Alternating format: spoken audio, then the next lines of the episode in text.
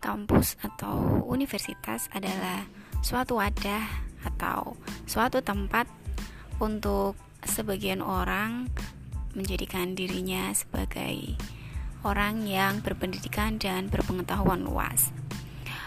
Kampus sendiri yaitu sebuah tempat yang kita semua pasti menyukainya.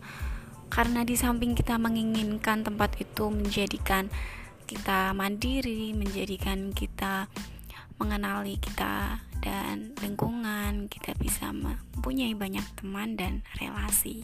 Karena di sini kita akan menemukan berbagai jenis manusia dan berbagai jenis karakter.